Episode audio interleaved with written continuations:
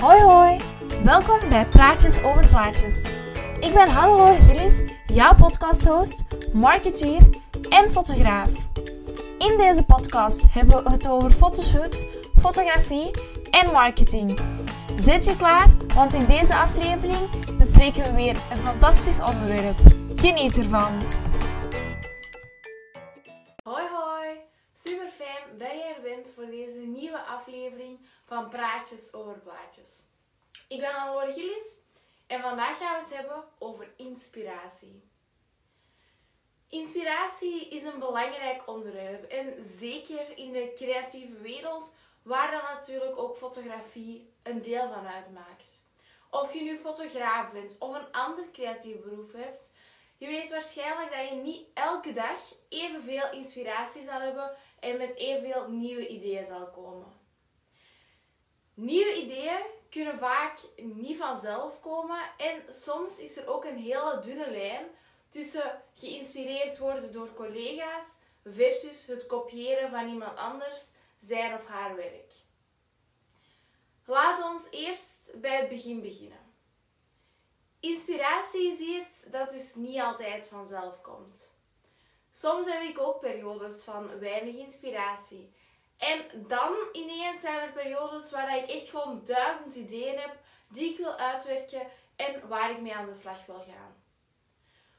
Wat bij mij soms ook het geval is, is eigenlijk dat wanneer het heel druk is en er ook veel moet gebeuren, dat er dan weinig creatieve ideeën bij opkomen, maar dat het vaak is wanneer het wat rustiger is, wanneer ik mij kan ontspannen, dat ik tijd heb om na te denken, dat er weer meer creatieve ideeën opkomen en dat ik meer inspiratie heb om met dingen aan de slag te gaan. Ik weet niet of je het herkent, maar soms bent je in de douche of bent je aan het wandelen en op die moment komen uw beste ideeën tot bij u en heb je ineens veel inspiratie en veel motivatie. De reden daarvoor is denk ik omdat uw brein dan eventjes stilstaat, even de tijd heeft om creatief aan de slag te gaan. Want soms ben je gewoon zo druk bezig dat er niet veel tijd is voor creativiteit. Dan omdat onze creativiteit dan gewoon eigenlijk moet komen. En wanneer iets moet, is het vaak eh, nogal moeilijk dat het tot bij je komt. En ja, dan hebben we geen tijd om te rusten, dan moeten we creatief bezig zijn, dan moeten we met ideeën komen en dan gebeurt het vaak niet. Soms is dus die rust en het nemen van een pauze exact wat nodig is om terug die inspiratie, die motivatie ook te krijgen. Ik vind dat ook nog steeds moeilijk om daarmee aan de slag te gaan en om dat te accepteren, maar het is dus zeker iets om over na te denken en mee aan de slag te gaan. Wat we ook vaak zien, is dat we geïnspireerd worden door onze omgeving. Dat kan echt gewoon gaan over de omgeving waar je nu bevindt. Dus uw huis, uw kamer, uw ehm, plek waar je gaat wandelen elke dag. Alles wat je in je omgeving hebt. Maar ook de mensen waarmee je omgaat en de mensen waarmee je omringt. Dit kan je nabij omgeving zijn, maar in deze tijden ook de mensen die je volgt en waarmee je omringt op sociale media. En we zien ook dat we heel sterk beïnvloed worden door die sociale media en de mensen die we daarop volgen. Let er hierbij dus wel op dat je iemand gaat volgen die inspireert, maar ga ook niet iemand kopiëren. Er is en blijft altijd een verschil tussen kopiëren van het werk van iemand anders en het inspiratie nemen uit het werk van iemand anders. Als je inspiratie gaat nemen van iemand die je hebt voorbij zien komen en je gaat actief aan de slag met inspiratie, is ook altijd handig om, of heel leuk, als je dan ook credit geeft aan die fotograaf of die persoon waar je de inspiratie vandaan gehaald hebt. Het is een hele kleine moeite, maar het maakt wel echt een heel groot verschil. Om deze aflevering af te sluiten, wil ik je graag nog enkele tips meegeven. Um, eerst en vooral wil ik je graag meegeven dat je voor inspiratie eigenlijk uit verschillende bronnen kunt gaan zoeken.